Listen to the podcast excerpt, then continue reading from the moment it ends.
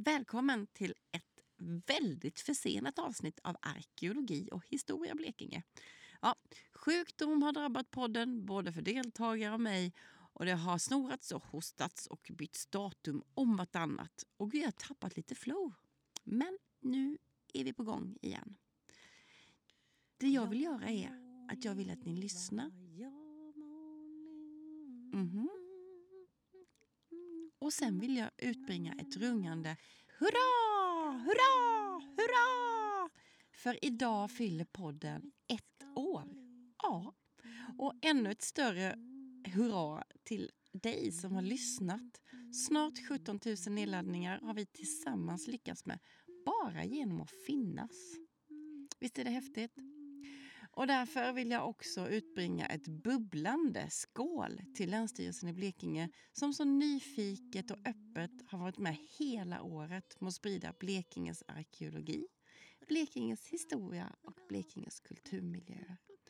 Utan er på Länsstyrelsen hade podden inte funnits mer än i mitt huvud.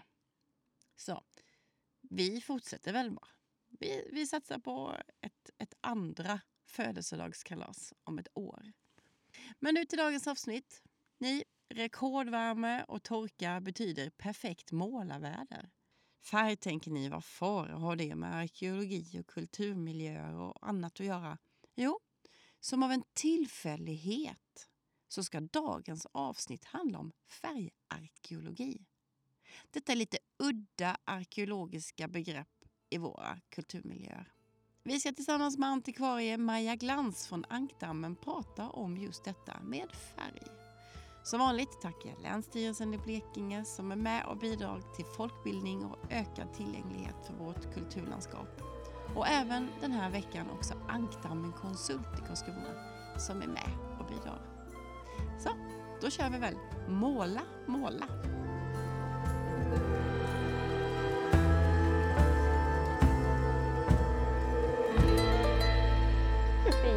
Jättespännande det här tycker jag. Ja, det är bra. Nu är vi, var är vi någonstans? Vi är nere vid örlogshamnen. Ja, nu är vi utanför Skeppskossekasernen Ja. som eh, byggdes mellan 1878 och 1881 eh, efter ritningar av arkitektbröderna Axel och Hjalmar Kumlin. Okej. Och den skulle då rymma 400 skeppsgossar ungefär.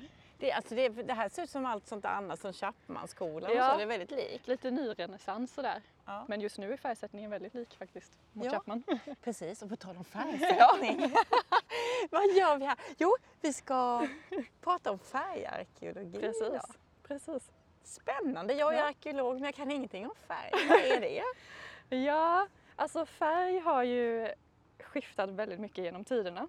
Eh, både vilka färgsättningar man har använt men också vilka färgtyper. Eh, som ett liksom riktmärke eller vad man ska säga kan man säga att innan 1900 så var det mest linoljefärg och kalkfärg och limfärg och den typen av liksom. Eh, och sen efter 1900-talet, eller på 1900-talet i anslutning till krigen och det så tog man fram rätt mycket nya färger eh, som vi kallar då för de här moderna plastfärgerna som kanske har lite sämre rykte. Ja, just det. Ehm, och likaså har ju färgsättningarna både i och på byggnaderna skiftat. Eh, om man tänker invändigt så runt 1600-talet där då var det väldigt populärt med ganska kraftiga färger av rött och blått. Och sen framåt slutet av 1700-talet då blev det bara mer färglöst och mer färglöst. Och sen kommer man in på slutet av 1800-talet och då blir det mer kraftfulla färger igen. Ganska dova men de ändå liksom, det är färg. Ja, det. Och sen kommer vi in på 1900-talet och modernismen och allt det här, då blir det rätt ljusa färgsättningar igen i ljusgult och ljusblått och, och sen vet vi ju fram i våra dagar är det väldigt mycket vitt, vitt, Vitt, vitt, vitt, vitt, vitt. Och jag, åh, jag tänker så tråkigt. Ja. Så om man då vill liksom studera det här då kan man Ja. ägna sig åt färgarkeologi då som vi brukar säga. Spännande. Man gräver i färgen. Kan man säga. Ja. Kanske, det är inte den här riktigt bilden som alla har av en arkeolog kanske att man sitter ute och gräver Mm. eh, i, i jorden. Men på samma sätt som en arkeolog undersöker jordlager efter jordlager så undersöker vi eh, som antikvarier eller färgkonservatorer eh, färgskikten lager för lager istället. Då. Mm. Det har man faktiskt sett om man tittar på TV på sådana där, det sitter i väggarna och det där, att oh, de Precis. bläddrar i olika tapetlager och så. Precis, Det är precis. jättespännande. Ja, det är roligt också framför allt. Och så är vi här. Ja. Varför då? För att här har vi eh, gjort en färgundersökning då som man ägnar sig åt inom färgarkeologin Mm. eh, i samband med att eh, byggnaden skulle målas om. Den här har ju rymt 400 skeppsgossar liksom Mm. och det gjorde ju såklart att eh, slitaget blev ju ganska stort relativt Ja, fort. Så det har behövts reparationsåtgärder. Eh, och sen har den också bytt verksamheter här inne. Det har varit museum, det har varit skola och kontor. Och det har ju såklart fått med sig att ja, man har behövt måla om ofta. Just det. Så inför den senaste ommålningen av trapphusen så var vi här och gjorde en färgundersökning. Och då ska vi gå in och kolla på det. Ja, Vad kul. yes!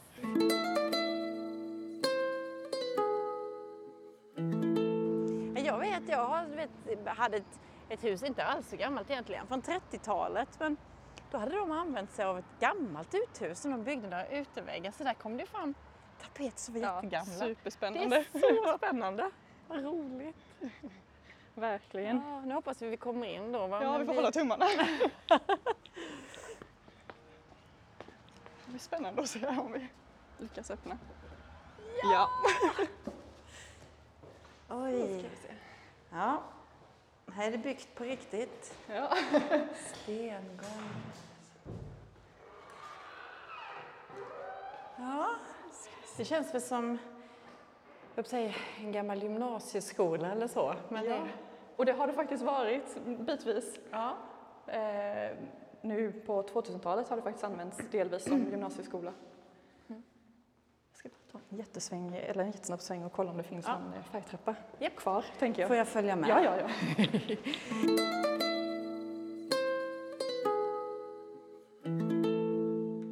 Nu är vi inne och har gått och letat på väggarna. Ja. Och den här färgtrappan är borta. De har skött sitt jobb. De har alltså målat över.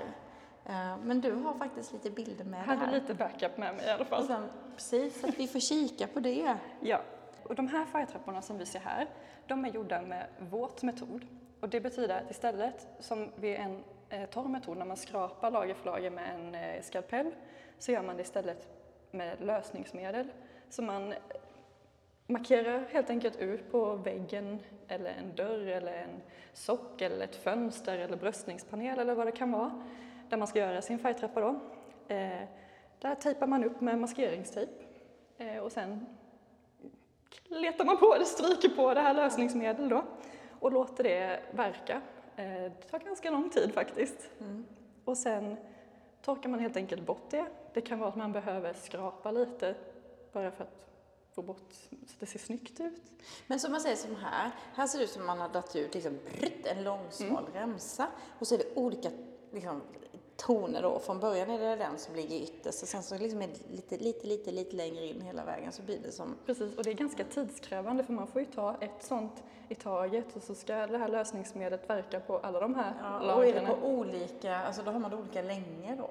Eh, ja, alltså det brukar vara att man, när man har gjort, vi brukar dela upp det i små rutor här som du ser på bilden. Eh, och då får man helt enkelt göra så att när man har tagit bort lösningsmedlet ett, en gång, då får man helt enkelt tejpa över en bit så att det är skyddat Ja, och sen tar man på resterande och så fortsätter man så. Ja. Jag kommer lägga ut en bild så man kan se det på Ja, det kan Instagram.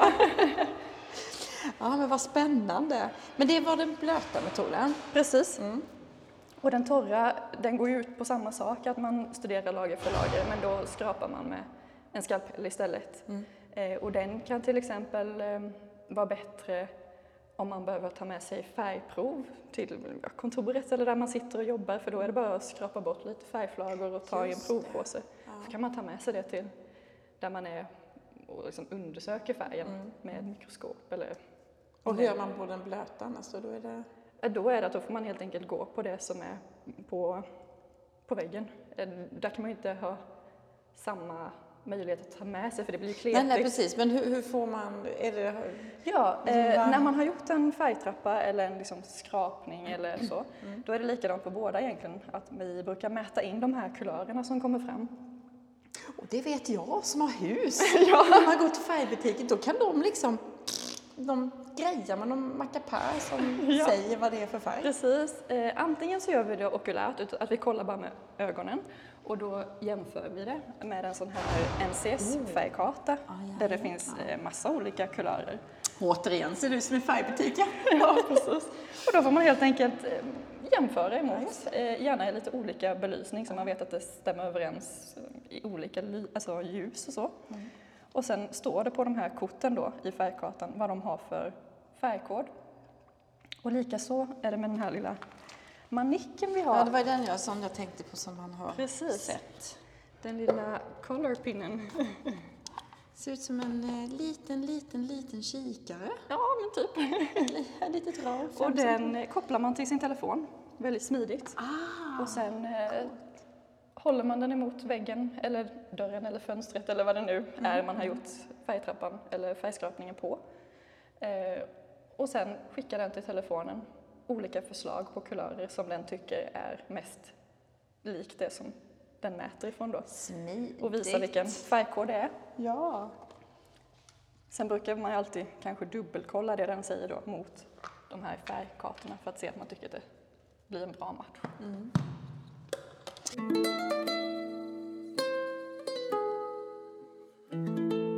Men jag förstår själva grejen. Mm. Eh, med att man kan komma in i en sån här gammal byggnad och se alla lager och så. Men vad, vad har man den här kunskapen till? Vad använder man den Ja, till? alltså ofta kan det ju vara så att vi gör en färgundersökning för att en byggnad ska målas om och man kanske vill alltså, gå tillbaka till den karaktären byggnaden hade när den uppfördes så man liksom vill inspireras av hur den såg ut från början. Eh, Det kan också vara om det är en kulturhistoriskt värdefull byggnad att man vill dokumentera de färgerna som har funnits för framtiden så att man har det sparat liksom.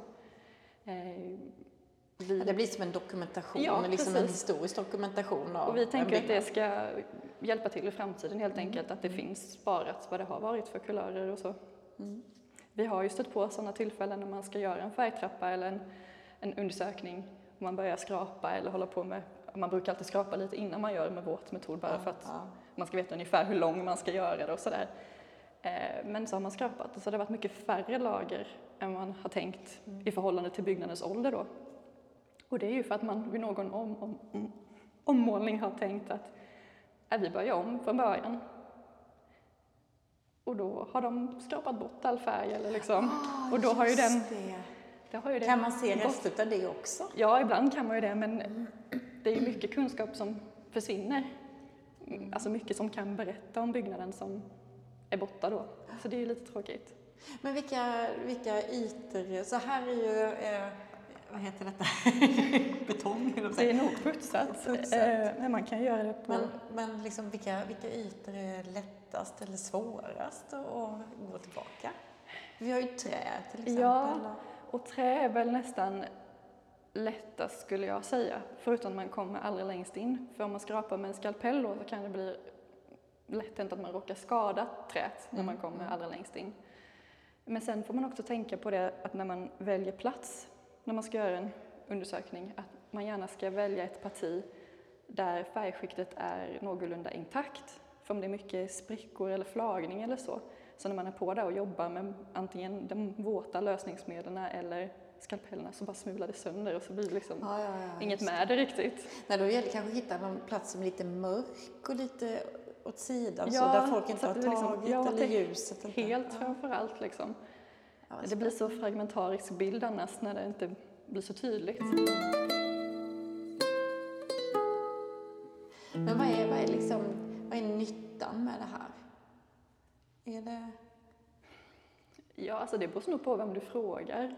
Eh, jag personligen tycker att framförallt det är väldigt intressant och det kan lära mycket om hur man tänkte kring färg förr. Alltså vad man använde för färger och vilka kulörer och sånt. Och att vi tar med oss det helt enkelt. Ja, för sen är det inte bara själva kulörerna, man har också använt oli- olika slags färg. Ja, precis. Är det också någonting som man... Det kan man ibland se på liksom, eh, ytan på färgen om man ska säga. Eh, en kalkfärg, det brukar ju bli lite så här kritigt om fingrarna om man drar på det till just det. exempel. Ja. Eh, linolja som är lite äldre brukar bli lite matt. Eh, och olika färgtyper brukar spricka, eller vad man ska säga, på lite olika sätt. Så linoljefärg, de, den liksom spricker i väldigt små bitar. Och om man skulle försöka böja en sån så knäcks det liksom. Mm. Medan de lite mer moderna plastfärgerna, de liksom lossnar från underlaget i stora sjok. Oh, Och så ja, de lite så man kan nästan dra dem sen. Ja, och de blir liksom så här sega om man böjer dem så de knäcks liksom inte utan de bara ja, följer med eller vad man ska säga. Mm. Och sen eh, kan man ju såklart också undersöka det i mikroskop. Jag, jag, har- jag har ju googlat lite eftersom jag inte kan någonting om detta. Sen har det stått så här, för jag funderar på det, kan man, eh, gör man sådana här kemiska undersökningar på också för att liksom se? Ja, det kan man ju göra. liksom på något vis, Det är ju ingenting vi riktigt gör på plats utan men man kan ju skicka iväg färgprover till labb och sånt där de kan se precis vad det består av eller vad man ska säga. Kan man då göra så här som med jordprov och så här? Liksom söka ursprung och så? Eller? Det vågar jag faktiskt inte svara på. Nej, jag tänkte just, när vi pratade lite innan så frågade jag just om det fanns arkiv. Mm. Alltså lite som eh, när man gör så här dendroundersökningar Mm. på träd, vet med årsringar, att man då kan, ja det är en gran från eh, Ja, östra Blekinge eller nordvästra. Eh, Vi använder ju mer, eh, det är ofta vi använder arkivsökningar när vi gör en färgundersökning. Eh, Men då är det oftare att man eh, till exempel kollar på ett gammalt foto kanske av en byggnad eller i, det här, alltså i ett rum om det är där man ska göra en färgundersökning. Eh, Men där är ju nackdelen att ofta är ju byggnaden äldre än den tiden det har funnits fotografi. Just det. Och gamla fotografin är ju också svartvita. Så det blir ju, där kan man ju mer bara se om det är en mörk eller ljus kulör och inte riktigt vilken det är. Eh, Likaså finns ibland det här huset eller rummet eller vad det är man gör undersökningen ibland kanske avbildat i en målning eller tavla eller så.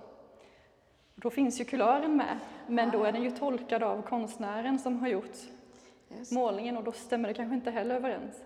Men det kan ändå vara ett bra komplement till undersökningen bara för att veta är den här tavlan eller fotot daterat så kan man ju ändå se lite möjligtvis när de här färgerna skulle ha legat i tiden eller vad man ska säga. Mm, Om det då följer liksom, färghistorien eller vad man ska säga, om det liksom är som det brukar i, i färgen eller inte.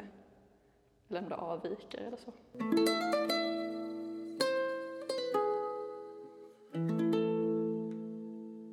Men du sa du ett, ord, ett intressant ord där, färghistoria. Hur lång är vår färghistoria? Ja, den är väl egentligen oändlig. Alltså man har ju utvunnit eh, pigment sedan an- antiken liksom. Alltså, det har man ju gjort jättelänge. Att, Men vad eh, är, vad är det äldsta man... man... det allra äldsta, det vågar jag inte Nej, säga. det förstår jag. Men, men liksom, vi, vad, vad, är, vad pratar vi för tidsålder när man ändå har kunnat...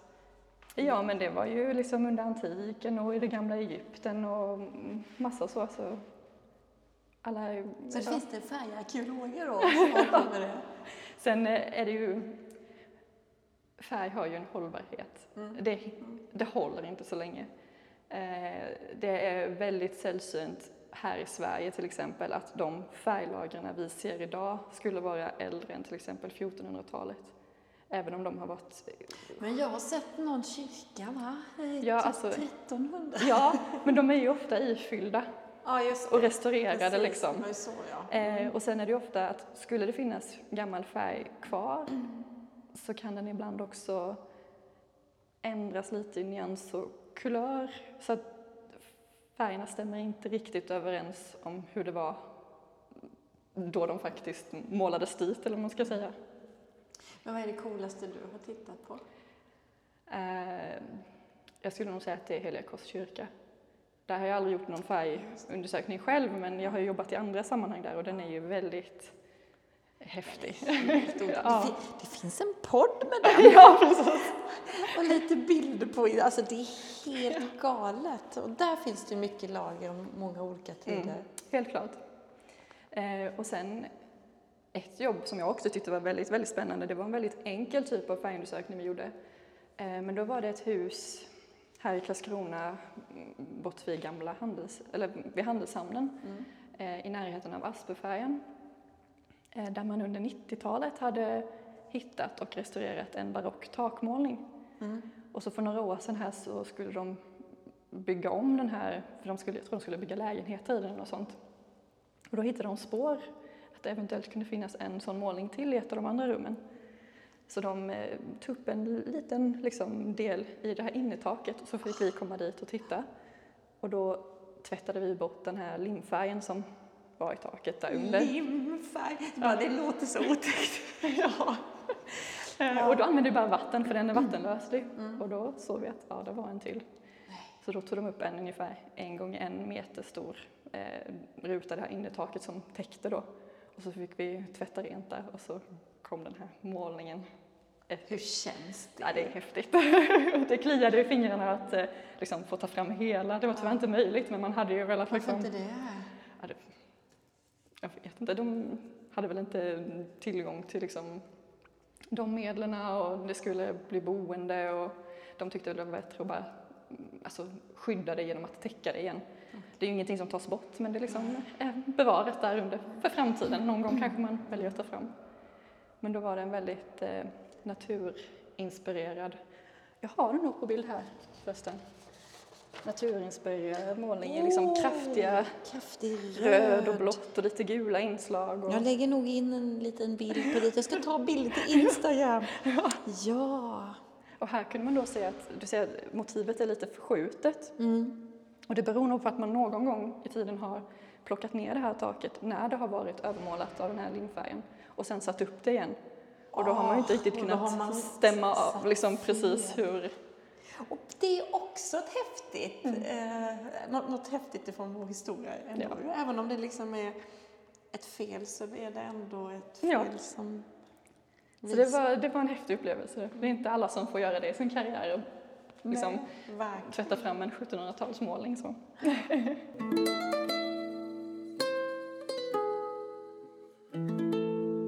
och om man ska återknyta till den färgundersökningen vi gjorde här i Skeppsgårdskasernen, alltså det vi kunde se av den var till exempel att här i mitten trapphuset då, där vi står nu, här var det betydligt fler färglager än vad det var i sidotrapphusen. Och det har ju troligtvis att göra med att det här liksom ska vara representativt, det ska vara lite pampigt och se bra ut och så. Och sen var det inte lika noga med de här sidotrapphusen där liksom skeppsgossarna fick springa och sådär. Eh, och vi kunde också se att när vi gjorde den här undersökningen, då var det lite annan färgsättning här. Då var väggarna väldigt vita och den här bröstningspanelen längre ner, den var ljusgrå. Och när vi gjorde de här färgtrapporna så såg vi ju här att de som har legat närmst i tid, de har ju varit rätt ljusa.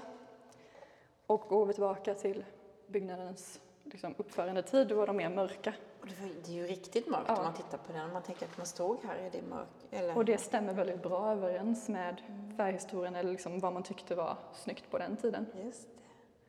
Och det är lite kul också kan jag tycka att eh, om man ser hur det ser ut här idag så har ju arkitekten som bestämde färgsättningen, som är här nu då, han eh, inspirerades lite av de här lite ändå mörkare färgerna. Han valde inte det här supervita utan det, det har ändå lite kulör och jag tycker det är ganska det är trevligt. Så att det inte bara är det här. Nej, vita det liksom. vita. Mm. Det händer lite. Ja. Nej, det blir mer ett eh, mentalsjukhus som har något vitt känns det som. Det är jätte, ja, jättefint. Ja. Och sen så är det ju klart inte alltid alla rum eller så har blivit målade alltid. Nej. De kan ju lika väl ha varit tapetserade. Och det har vi också varit med om. Eh, och då gör man egentligen på liknande sätt. Då vill man ju också undersöka dem för sig, alltså varje tapet för sig. Och då går man till istället till- tillväga så att man eh, river, eller ja, skär loss en provbit där man liksom försöker få med Ja, ja, ja, en stor så, att man jobbar liksom i Ja, man liksom försöker Ja, få med sig alla de här lagren. Och sen kan man göra så att man blöter en dagstidning. Och sen lägger man i det här provet där i och stänger tidningen. Och så får det ligga där ett tag. Och då gör den här fukten att limmet mellan tapetlagren löser liksom upp sig till slut. Och då kan man försiktigt pilla isär dem och sen studera dem var för sig då. Och det är ju samma princip som färgundersökningen, att man vill liksom titta lager för lager. Så har man ett gammalt hus och vill eh, kolla Kul det. att testa, Det ja. är jättekul. Men de med färg, om man har att det är mycket målat, vad säger du om man nu ska göra hemma i sitt gamla, gamla hus? Vad, Ja, man, kan ju, man kan absolut testa, det kan vara kul. Eh, Man kanske ska göra det på något ställe där det inte syns så mycket om, alltså, om man inte vill göra så stor åverkan utan man kan, man kan absolut testa lite och se. men eh, om det då faktiskt ska en skrapa? Eh, Det är nog lättast om man ska göra hemma, eh, skulle jag säga. Det brukar funka ganska lätt att skrapa, det brukar gå bra.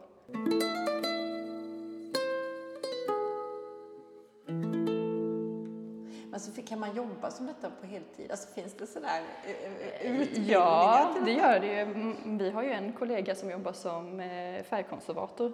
Mm. Och då är det, det är ju den här typen av jobb man utför bland annat och såklart restaureringsåtgärder och det är mycket jobb i kyrkor, fylla i gamla målningar och, och så. Ja, nej, för då när jag googlade så, så förstod jag att det, det förekommer forskning och sådär. Mm. Alltså, på riktigt. Ja, ja men det, det gör det. Färg är väldigt, väldigt stort skulle jag säga.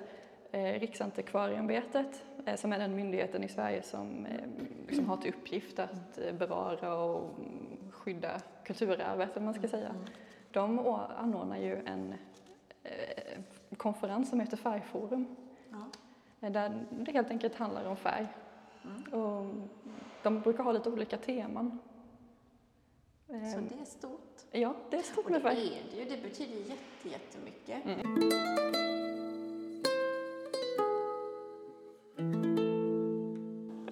Det är jätte, jätteroligt. Ja, men det är det. Och många, alla har en åsikt om det. Men det känns också som att det ligger lite i tiden, eller det har blivit lite populärt och modernt med det här att liksom gå tillbaka Mm. till det traditionella hantverket och man vill ha linoljefärg och det, liksom alla de här Ja. byggnadsvårdsprogrammen som går på TV, att folk är lite inspirerade ändå. Och. Och där är det ofta de håller på att kolla Ja, just precis. lager. Det här det sitter i väggarna till Precis. exempel. Det, det går liksom inte att komma ifrån. Mm. Vi har väl egentligen sagt till exempel vad, vad de här färgspåren, vad de kan berätta för oss. Mm, ja, alltså det berättar ju om samhället kan man säga, Mm, alltså förkortat så. Mm. Eh, och liksom vad man har gillat under tiden. Och sen är det såklart, vissa perioder har det varit eh, svårare tillgång till färg och liksom, Ja, syns det då? Om vi säger att det har varit krig under krigsperioder så kan man följa det också lite? ja det är ju tillgång och liksom, jag tycker det är lite kul, jag som bor på Björkholmen, där i alla Björkholmen-stugorna där sägs det ju att man det var ju inte de välbärgade som bodde där utan det var ju Nej. småfolket liksom. Och där sägs det ju att alla de här olika färgerna på stugorna där har ju att göra med att man tog det som blev över inifrån varvet och målade. Ah, Sägs det i alla fall. ja. Ja. Det kanske, kan man se det? Alltså, du säger att det sägs, men det, finns det någon som har tittat på det? Jag vet inte om det finns några, alltså det är, om det finns några riktiga belägg på det så. Eh, Där har vi, om det är någon som vill forska. Ja, precis. Jättespännande ju. Ja. Att de som bodde där och jobbade där inne tog med sig Mm. och använde. För att det var så pass knapert liksom för de som bodde där, tog man det som blev över. Mm. Men som det här då med röda stugor som man brukar säga eh, ute på landsbygden Mm. och så. Det är också det är tydligt att det är det mer, har det varit mer färger inne i städerna, olika kulörer, än ute, eller hur?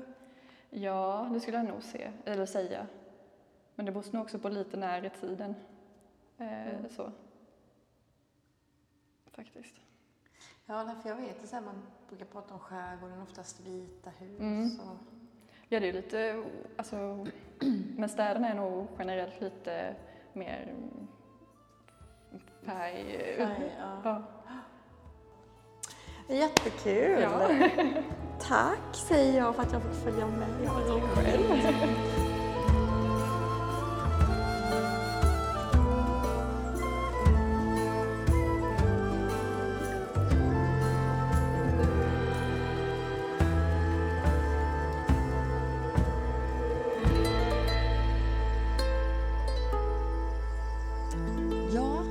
Vad spännande det är. Arkeologi i alla former. Eh, och nästa vecka blir det mer arkeologi faktiskt. Då ska vi svalka oss i havet tillsammans med ett gäng marinarkeologer.